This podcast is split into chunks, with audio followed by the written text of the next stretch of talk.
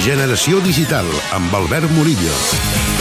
Dos joves francesos van crear l'any 2006 Deezer, un lloc web de música en streaming que s'està posicionant a nivell europeu com un dels líders d'aquesta indústria amb permís de Spotify.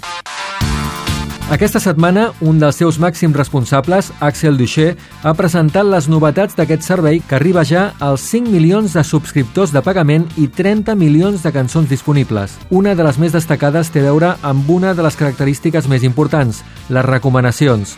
És sabut que Spotify, iTunes o el mateix Deezer tenen l'algoritme que estudia les teves escoltes per proposar-te noves cançons que poden agradar-te.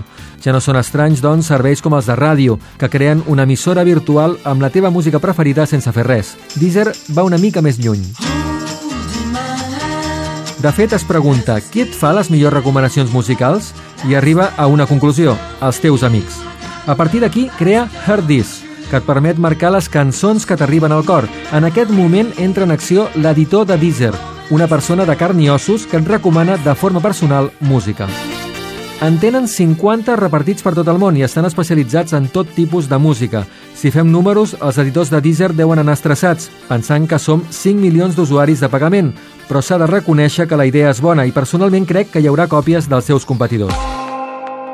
A Deezer introdueixen 27.000 cançons per dia i reconeixen que més del 70% del consum es fa a través dels dispositius mòbils.